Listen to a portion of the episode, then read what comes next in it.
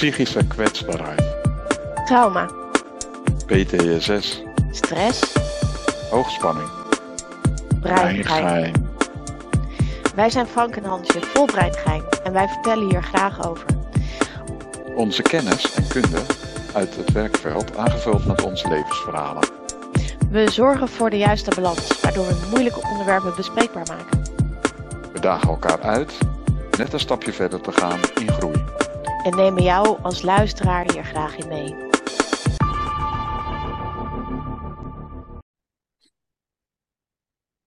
Daar zijn we weer. De volgende podcast en het blijft spannend. Dat merken wij hier alle twee. Ja, toch?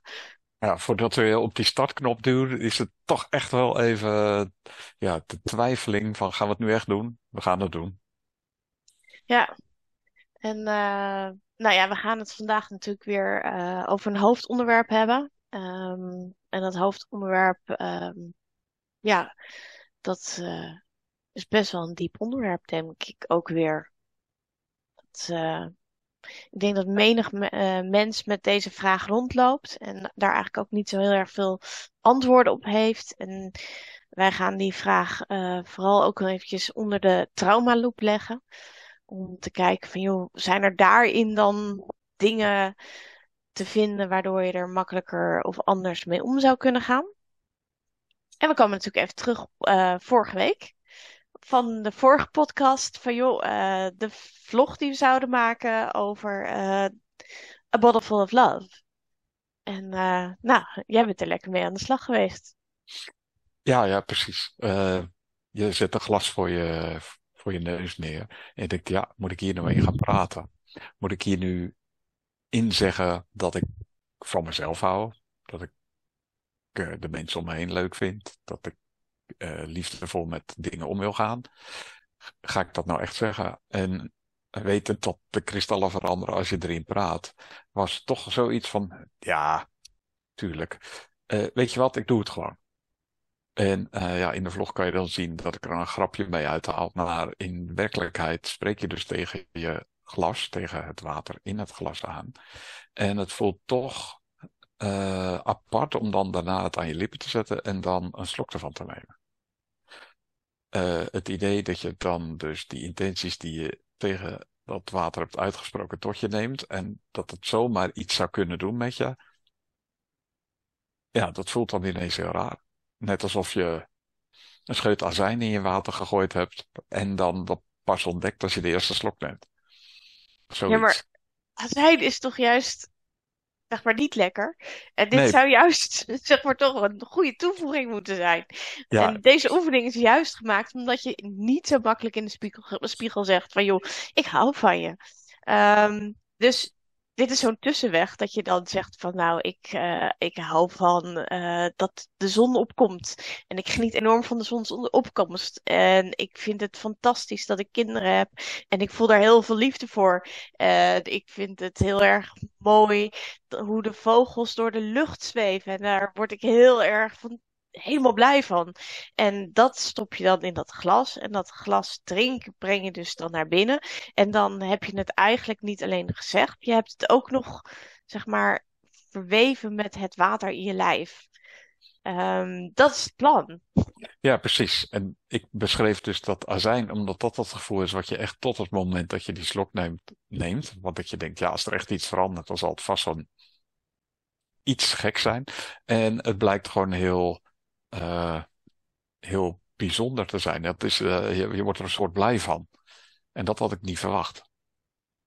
Ja, de keren dat ik het heb gedaan, weet ik nog dat ik ook echt wel eh, de aarzeling had voor het gaan drinken. Dat je echt denkt, oh nee. En welke veranderingen zou ik dan kunnen ontvangen daarvan? Dat is ook zoiets, dat je daar dan meteen allerlei gedachten over hebt. En dat je daar dan ook jezelf eigenlijk weer de kans voor geeft om daar gedachten over te hebben. En dat is wel ingewikkeld, want dan drink je het toch weer anders op. Ja, dat klopt. Ja. En dat, eh, ja, nou, dat was wat ik dus beschreef in de vorm van azijn. Dat ik dacht van, ja, dat zou zomaar kunnen gebeuren. En dat gebeurde dus niet. Eh, maar wat doet het dan wel? En eh, ja, wat, wat is dat dan, wat je dan merkt? En ja, dat voelt eigenlijk wel heel relaxed op dat moment. Een beetje raar. op het moment dat je het uitspreekt en relaxed als je het tot je neemt. Blijf je het doen? Uh, ja, misschien niet, uh, misschien niet bij elk glas, maar het is toch wel heel gaaf om het, uh, om het zo nu dan gewoon mee te nemen in het gedachtegoed. Omdat je het vaak neem je het tot je als een soort van, nou ja, het is zoals het is en klaar. En het, het is nodig om iets te drinken, maar het voelt toch wel apart om dat op die manier te doen. Ja, dus de volgende keer dat je ehm, een soort van een romantisch dinertje hebt, dan begin je met het glas te bepraten van je partner en dan geef je die dus door. Ja, ja, en jij adviseerde dan nog dat het dan niet het wijnglas zou zijn, hè? Nou ja, in dat opzicht, als jullie dat leuk vinden om dat wel te doen, ik zou het niet doen. Want straks ga je nog meer van alcohol houden. En dat was niet het plan. Precies. Um, ja, nou, we hebben de, de vlog gehad uh, en de opdracht. En um, ja, ik vond het een bijzondere opdracht. En ik denk ook dat ik hem nog wel vaker blijf doen. Merk wel dat ik hem gedoseerd moet doen, omdat niet elke dag een goede dag is om het te doen. gek genoeg zou je denken dat juist op de meest stomme dagen moet je het wel doen. Maar daar ben ik dan toch niet helemaal aan toe. Dus, nou, uh, het volgende onderdeel. Uh, we hebben ook aan het eind een nieuw onderdeel toegevoegd vandaag. En uh, ik vind het ontzettend leuk om dat alvast even een soort van voor aan te kondigen. Dat jullie nog niet weten wat het is, wij wel. Dus en wij zijn er heel enthousiast over. Ja, zeker. Dus ik hoop echt dat jullie blijven luisteren. Want dat is natuurlijk toch uh, superleuk om daar deelgenoot van te zijn. Dus uh, ik maak het een beetje spannend. Is gelukt. Ja, en dan komen we bij het hoofdonderwerp. Ja. het hoofdonderwerp is: Ken je mij? Wie ken je dan? Weet jij mij beter dan ik? Ja, ik ken het als een liedje van uh, Treintje Oosterhuis. En is is ook eigenlijk een soort openbaring van ja, wie ben je dan als je jezelf echt kent? En ken je jezelf eigenlijk wel zoals je bent? Ja. En, en voor je het weet zit je in een loopje. Ja, want eigenlijk kwamen we erachter hoe ontzettend we onszelf kwijt zijn. En dat de vraag iedere keer weer terugkomt van wie ben ik nou eigenlijk? En um, en omdat die vraag zo moeilijk te beantwoorden is, wat wil je dan? Of wat kan je dan? Of wat doe je dan? Die zitten daar toch aan gekoppeld. Ja. En soms kom je dingen in het leven tegen en dan verandert er iets. En dan denk je, verander ik nou ook? Is dat ineens dat ik dan een ander beeld over mezelf krijg? Of ziet iedereen mij gewoon zoals ze me altijd zien? Maar is alleen mijn beeld over mezelf veranderd? Nou, hup, en dan heb je hem weer. Zit je weer in en soms moet je dan wel eens even met iemand contact opnemen om te vragen van ja, eh, is er nou echt iets veranderd aan mij? Of valt het eigenlijk wel mee? Of is het, uh, valt het eigenlijk wel tegen? Of wat is er? Mm Maar jij had echt de vraag gesteld, wat wil ik nou echt? En dat je daar niet uitkwam. En zo zijn we eigenlijk begonnen met daarover te sparren. En um, waar ik dan op uitkom, is toch eigenlijk vrij snel dat uh, je niet weet wat je nou echt wil, als je niet weet wie je echt bent. En we weten dat mensen die te maken hebben gehad met trauma op een vroegkindelijke leeftijd, um, een ander verloop hebben als het gaat om hun zijnsontwikkeling. Want het was eigenlijk helemaal niet veilig om te zijn. Dus ben je een iemand geworden die uh, veilig was voor de omgeving. En eigenlijk ben je dat je hele leven blijft doen. Ja, en soms verandert die omgeving dan ook en moet je je opnieuw aanpassen om weer een veilig heenkomen te vinden. En dan blijkt je vaak weer terug te vallen op wat je daarvoor al geleerd hebt. Ja, en daarom wilde ik maar het uh, even op tafel leggen, het woord bestaanschaamte. Ja, er zou maar bestaan. En waarvoor dan? Of wie ben je dan? Ja. In mijn geval um, eh, ik weet niet of het al bekend is bij mensen, ik ben geadopteerd. Dus ik heb zeg maar negen maanden in een buik gehangen van iemand die ik eigenlijk niet ken. Ehm, maar je krijgt natuurlijk heel veel mee. Je krijgt op dat moment al. En ehm, als jij je kindje gaat afstaan en je. Dus ik weet dat ze ook door best wel een zware periode heen ging. Dus al die emoties heb je al meegekregen. Dus eigenlijk wat je dan vooral doet, is jezelf zo klein mogelijk maken. Niet um, lawaai maken. Niet eigenlijk duidelijk er zijn. Want het is veiliger om dan op te gaan in de ander. Want dan doe je het het beste. Want ruimte innemen is eigenlijk al uit een boze. Nou ja, ik werd natuurlijk geboren. Geen moeder. Ik werd afgevoerd naar het ziekenhuis. Ergens drie dagen in een bakje gehangen. Om vervolgens afgevoerd te worden naar een kinderthuis. Um, dus allemaal eigenlijk aanknopingspunten om vooral te gaan bedenken van nou, ik heb dus geen waarde. En um, dus ja, als je niet zo gewenst bent, als je niet um, er mag zijn, dan heb je dus eigenlijk al te maken met schaamte over je bestaan. Heb jij ook zo'n verhaal?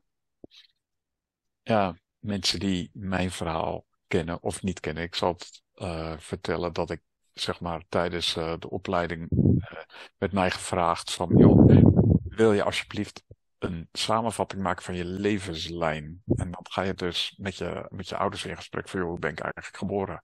En ik ben geboren na een miskraam. En in de opleiding leren we dat je dan leeft voor twee. Dus dat je dan eigenlijk altijd dubbel gefocust bent.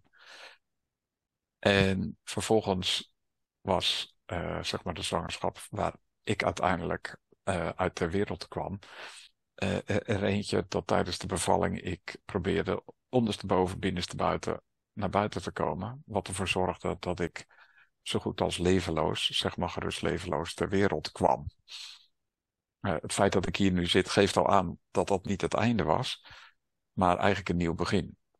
En dat was best wel zoiets als van, ja, als ik dan dus eigenlijk dood of bijna dood ben geweest, wat ben ik dan in het nu? En wat maakt het dat ik hier dan nu ben? En dan merk je dus dat, uh, dat je eigenlijk niet zo goed kan beschrijven wat dat dan is. Om reden dat, ja, ja je, bent, je bent gebleven, je leeft. En wat ben je dan? En ja, dat, uh, dat blijkt best wel een grote impact te hebben door eigenlijk allerlei zoektochten door mijn leven heen. Van, uh, dat ik steeds een stukje ontdekte van dat geheel. -hmm. Ja, dus je bent ook langzamerhand je waarde gaan ontdekken. En zou je nu zeggen, als je een, een waardebepaling zou kunnen doen voor jezelf, als nul geen waarde is en uh, tien waardevol, uh, waar je je op dit moment op die schaal bevindt? Ja, in, in, in de groei van, van wat dat is, uh, zit ik voor mijn gevoel nu wel op een acht. Dat is echt gaaf. En dat heeft alles te maken met, zeg maar, in de, in de technische hoek waar ik altijd zat, was het altijd, waar sta je over vijf jaar? Wat ben je dan? En ik merkte dat ik altijd moeite had om dat te, te zeggen. Want het is dan onderdeel van je persoonlijk ontwikkelplan en er moet instaan wat je allemaal wil. En toen dacht ik, ja, ik wil eigenlijk alles en niks tegelijk. Mm -hmm. Dus wie ben ik dan? Ja, een techneut met een bepaalde opleiding, met een bepaalde manier van zijn. Uh, maar ik voelde mij ook uh, vaak een buitenbeentje. Want ik had ook nog uh, ja, de affiniteit met mensen aanhoren. En dat werd toch vaak afgeschilderd als van, ja, als je alleen maar staat te luisteren naar anderen, dan werk je niet. Ga nou eens aan het werk. Terwijl, ja, mijn, mijn sterke kant die ik nu dan zie en waarom ik op een acht uitkom, is dat ik zeg van, ja, weet je, ik ben nog niet klaar. Maar ja, zijn we er überhaupt klaar voor? Waren we klaar voor de podcast? Nee. Maar in dat groeipad heb ik wel leren ontdekken dat dat talent, wat er steeds, dat dat talent er steeds meer mag zijn. En dat ik dus mag luisteren naar mensen en iets betekenen voor die ander. En uh, dan dus ook uh, ja, kan delen wat ik zelf geleerd heb. En dat dat de andere mensen helpt om me heen. Ja, dat is in het nu. En ik denk dat we wel een heel stuk overslaan, want iedereen denkt dan, jeetje, hoe ben je daar dan gekomen? Um, want uh, als we even eerlijk zijn, ehm, je werd geboren, ehm, je kwam in een wereld terecht die enorm veel van je verwachtte. Ehm, en die wereld verwachtte niet dat jij een eigen mening had. En dat jij jezelf zou ontwikkelen op de manier waarop jij jezelf wilde ontwikkelen. Toch? Nee, ja, dat, uh, dat was soms best lastig, ja, om dat uh, te bedenken. Want ik had uh, wel bepaalde gedachten dat ik dingen wel wilde ontdekken. En, en die ontdekkingstocht, die ging ik dan ook aan. Maar ik was niet altijd even handig. En in dat niet altijd even handig zijn, dat getuigde in met, ja, soms in natte staat terugkomen omdat ik ergens in de sloot was gevallen of dat soort dingen. En dat uh, mijn ouders soms best wel wat uh, zorg in. En ja, daar kwam nog wel eens wat commentaar op van je moet wel zorgen dat je veilig bent. Want ja, ik realiseerde me ook wel hoe kostbaar het was dat ik wel was blijven leven. en dat ik in het, in het nu ook wel moest blijven leven. Dat voelde ik ook wel. En, en mijn hele systeem probeerde dat ik veilig te houden. Maar dat was soms in conflict met de dingen die ik graag wilde ontdekken. Ja, en hoe zit dat dan nu? Nu mag het wel. Ja, het is nog steeds wel een lastig uh, ding. Want uh, ja, het, uh, je hebt wel eens gezegd, nou, spring uit een vliegtuig mag met een parachute om hoor, prima. Of misschien wel zelfs iemand achter je die een parachute om heeft. Maak maar eens een dure sprong. Nou, ik kan wel zeggen dat ik dat nou niet iets zie als iets wat ik heel graag zou willen doen. Omdat dat wel heel dicht staat bij het gevoel van doodgaan. Ja, nou, voordat je denkt dat dit dus dan de opdracht wordt aan het eind van deze podcast. Nee, helaas. We laten Frank niet uit een vliegtuig springen. Gelukkig. Nee, dat hoeft voor mij allemaal niet. Uh, ik heb het wel gedaan. Ik vind het trouwens ontzettend leuk om te doen, uit het vliegtuig springen.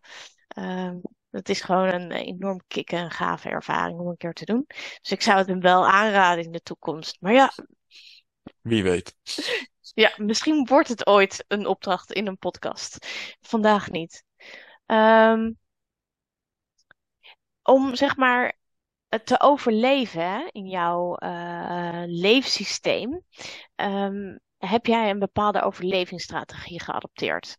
We doen dat allemaal. Uh, de overlevingsstrategieën die we hebben is uh, vluchten, vechten, bevriezen en ik ga er een nieuwe aan toevoegen, dat is fawn. En fawn is een, uh, eigenlijk dat je je uh, zodanig dienstbaar opstelt aan de ander, dat je jezelf gaat verliezen. Dus je bent dan uh, dienstbaar aan het systeem en je zorgt dat je klaar staat voor mensen. En um, het maakt niet uit of het om drie uur s'nachts is en je moet om vijf uur s ochtends weer op je werk zijn. Je gaat eruit, want um, dat is nou eenmaal belangrijk. Dus je hebt anderen in je leven op die manier eigenlijk als je overlevingsstrategie gemaakt en je blijft eigenlijk constant in die redder- en zorgrol. En als iemand dan naar jou gaat vragen, wie ben je nou eigenlijk? Dan is het zo ingewikkeld om daar antwoord op te geven. Want ja, ben jij, uh, wie ben jij dan? Want wat doe jij dan in je vrije tijd? Ja, anderen helpen. Wat doe jij dan op je werk? Ja, anderen helpen. Wat doe jij dan als je zeg maar um, uh, een avond televisie kijkt, ja, dan kijk je de programma's die anderen jou hebben aangeraden. Uh, omdat je dan weer mee kan kletsen met degene die je dan wel weer zou willen redden of niet. Um, is dit voor jou een bekend verhaal?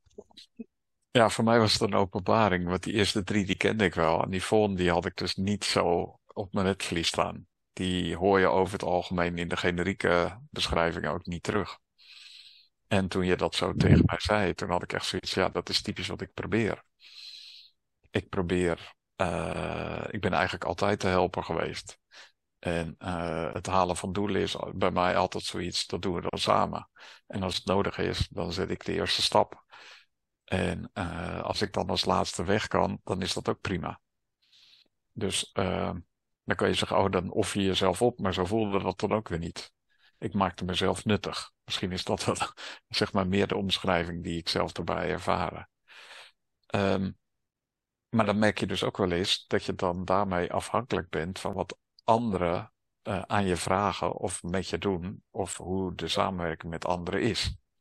Ja, en je waardebepaling wordt ook niet gedaan door jezelf, maar door een ander. Ja, en dat ben je dan ook gewend in de beoordelingssystematiek bij bedrijven. Want ja, daar beslist ook een ander hoe goed je bent. Dus wat doe je? Je doet het nog met de overdreven, over, overtreffende trap. Ga je ermee aan de slag. Want ja, uh, laat ik een 12 proberen te halen. Dan is een 10 ook nog mooi. Ja, en we hebben daarin een uh, hele gemene ontdekt. Dat is, uh, um, je moet altijd zo je best doen doe je best maar. En um, dat is dan ook vooral eigenlijk gericht op de anderen, niet zozeer voor jezelf. Um, want je doet je best voor anderen. Ja, maar ik heb wel mijn best gedaan. Ik hoor het mezelf nog zo vaak zeggen tegen mensen. Ja, maar ik heb wel mijn best gedaan voor je. Ik heb echt gewoon alles geprobeerd te geven.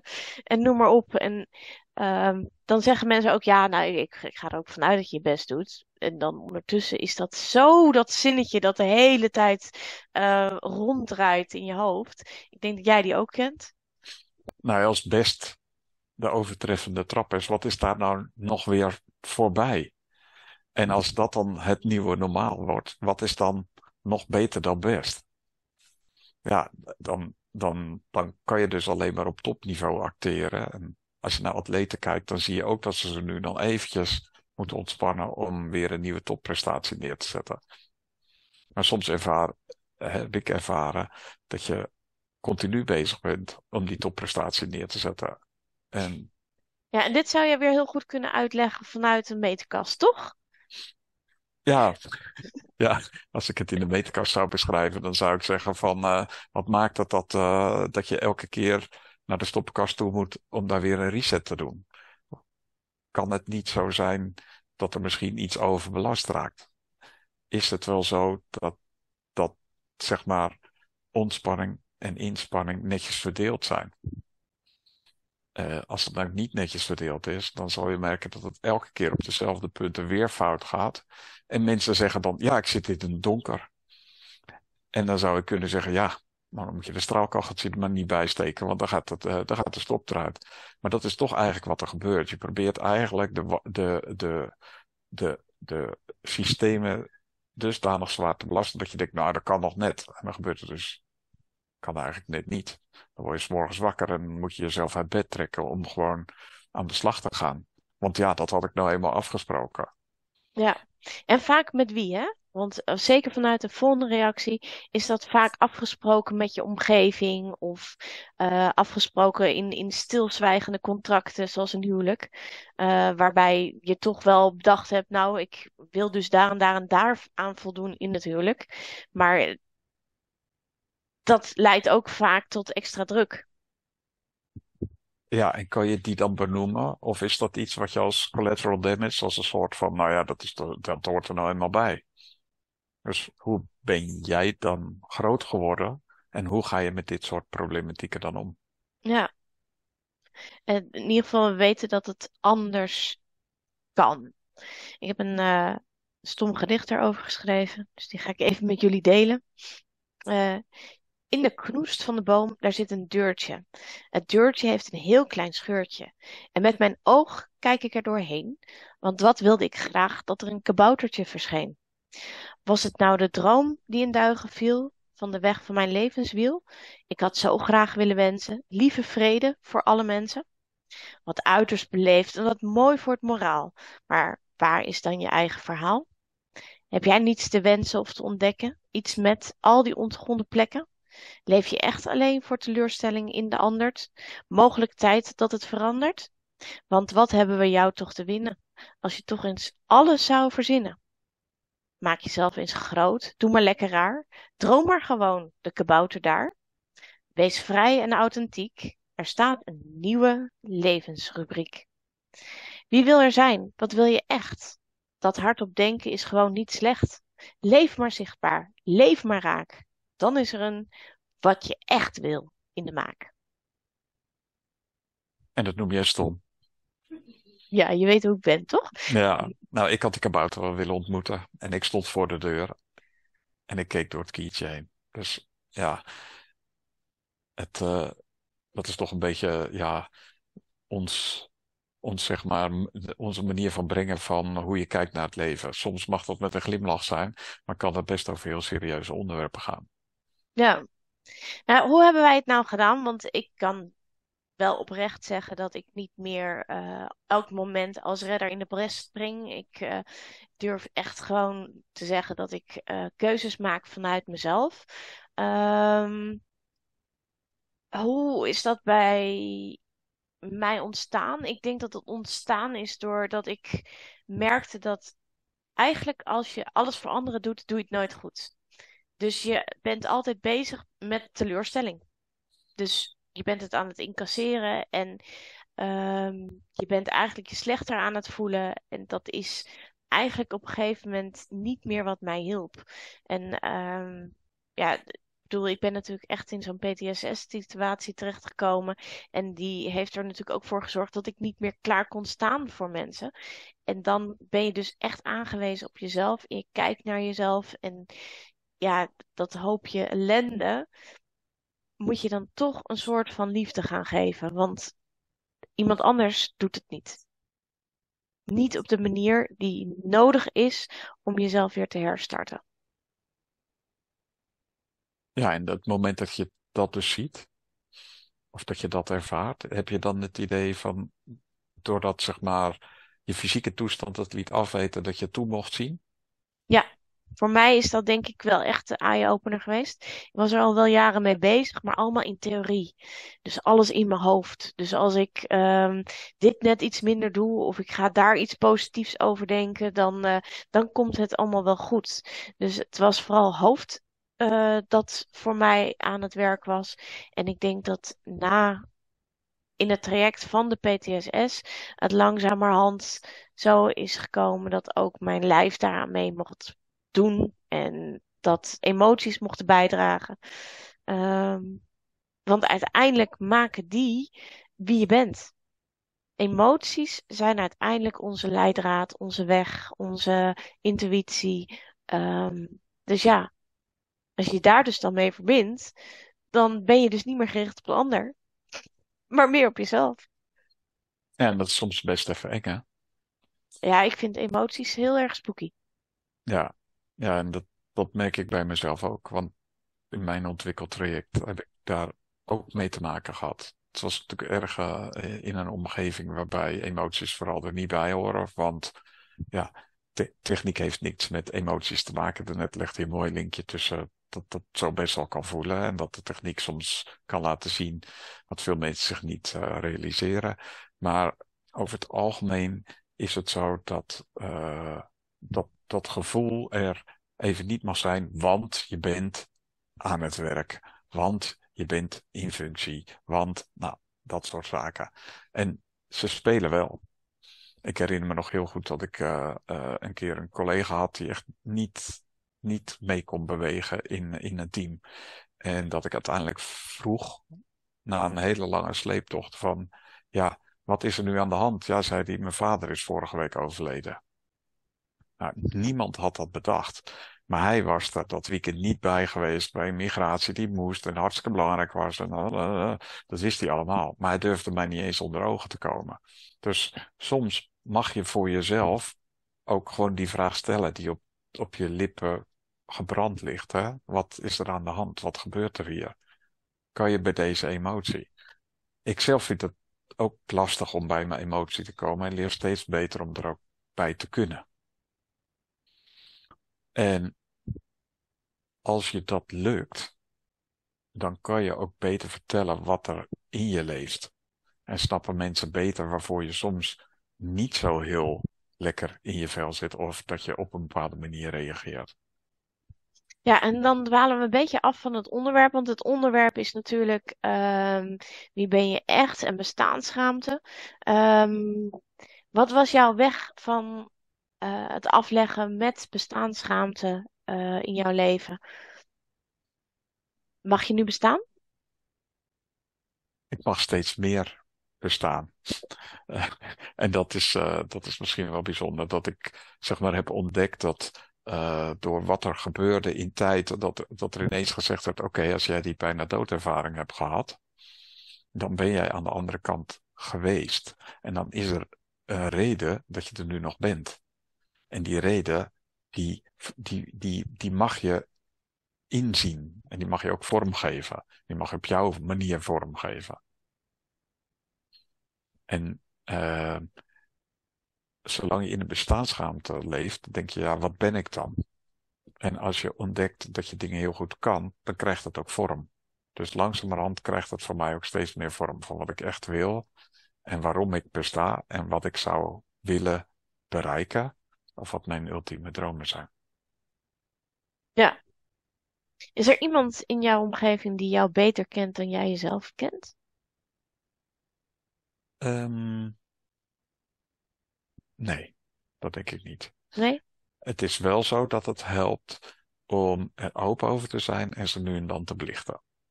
Zoals ik ze nu dan met jou doe, naar andere mensen doe, is het wel heel fijn om iets te uiten. En dat je het dan terug kan krijgen van de ander.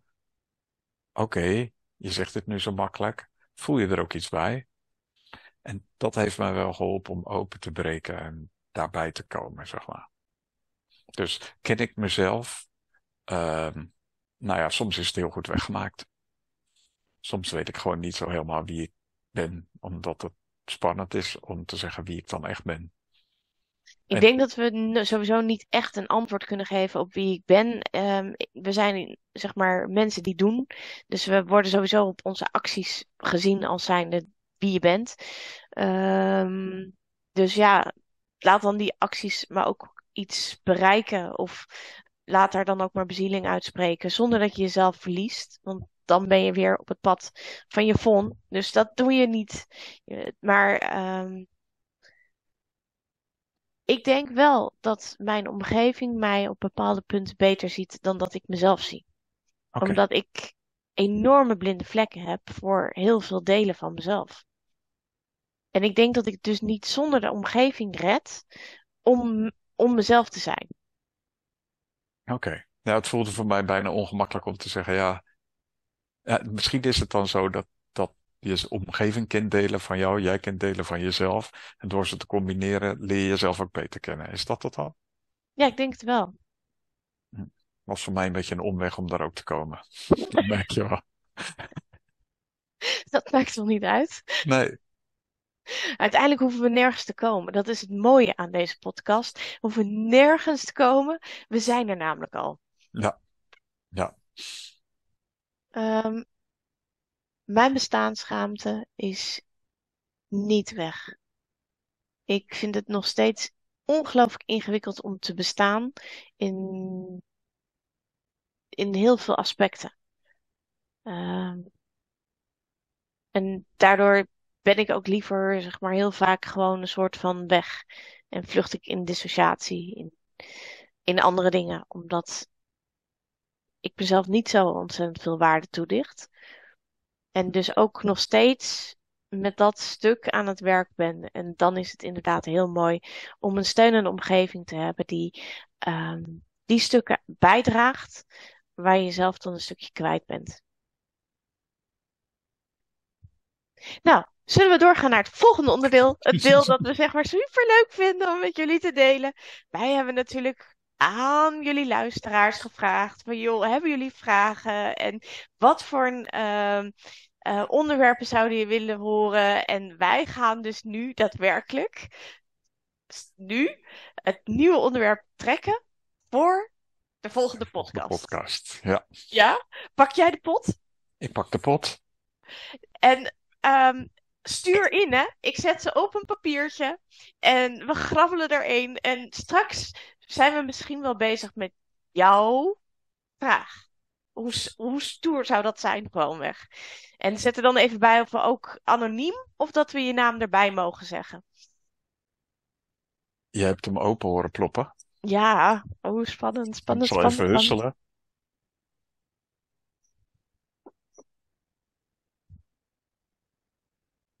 En dan hopen dat hij mijn handschrift kan lezen. Eerlijkheid, schaamte. Was al, wat als we schaamteloos eerlijk zouden zijn? Oh jee. Nou, Nou, Degene die deze heeft ingestuurd, onwijs bedankt. Ehm, dit is voor ons eh, zeker een onderwerp waar we in willen duiken. Want wij zijn alle twee taboe doorbrekend en laten we de geheimen maar lekker op straat flikkeren.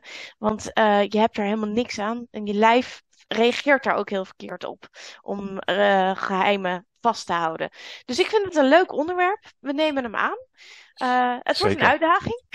Ja, en uh, ja, wat ik ook eigenlijk heel leuk vind, is uh, alle complimenten die we krijgen door zeg maar de voorgaande podcasts, waarin we dit soort dingen toch ook wel hebben beetgepakt. En jullie weten dat we eigenlijk erin zitten van, ja, het schuurt een beetje, maar laten we het dan toch maar doen. En misschien schuurt het soms wel heel erg. Dus deze is inderdaad ook van het type, oké, okay, en lekker dan, en bedankt. Maar ja, ik neem hem van harte aan. Ja, nou, en dan hebben we nog eh, de afsluiting van onze podcast altijd, uh, de uitdaging. Dus uh, zijn we er klaar voor? Ja, volgens mij wel. Oké. Okay. Nou, de uitdaging die we bedacht hebben bij uh, deze podcast, Wie ben je echt, is ga eens terug naar je achtjarige zelf. Ga daar eens mee in gesprek. En uh, werk dat uit op papier. En wat zou je eigenlijk toen tegen jezelf gezegd hebben? Of wat zou je geworden willen zijn? Kijk maar een beetje wat er uh, ontstaat als je dat gaat opschrijven. Dus. Oké, okay. ja. Terug naar acht jaar. Ja. Ik heb wel een idee waar dat over gaat, ja. Spannend. Ja. En volgende week lezen we ze voor of doen we dat op de vlog? Um, zullen we dat even af laten hangen van de expliciete inhoud? Nee? Uh, oh. Uh, daar kunnen we best een stukje uit voorlezen. Mooi. Dan beginnen we de volgende week met een stukje tekst. Nou, tot dan dan. Tot dan dan. Doeg.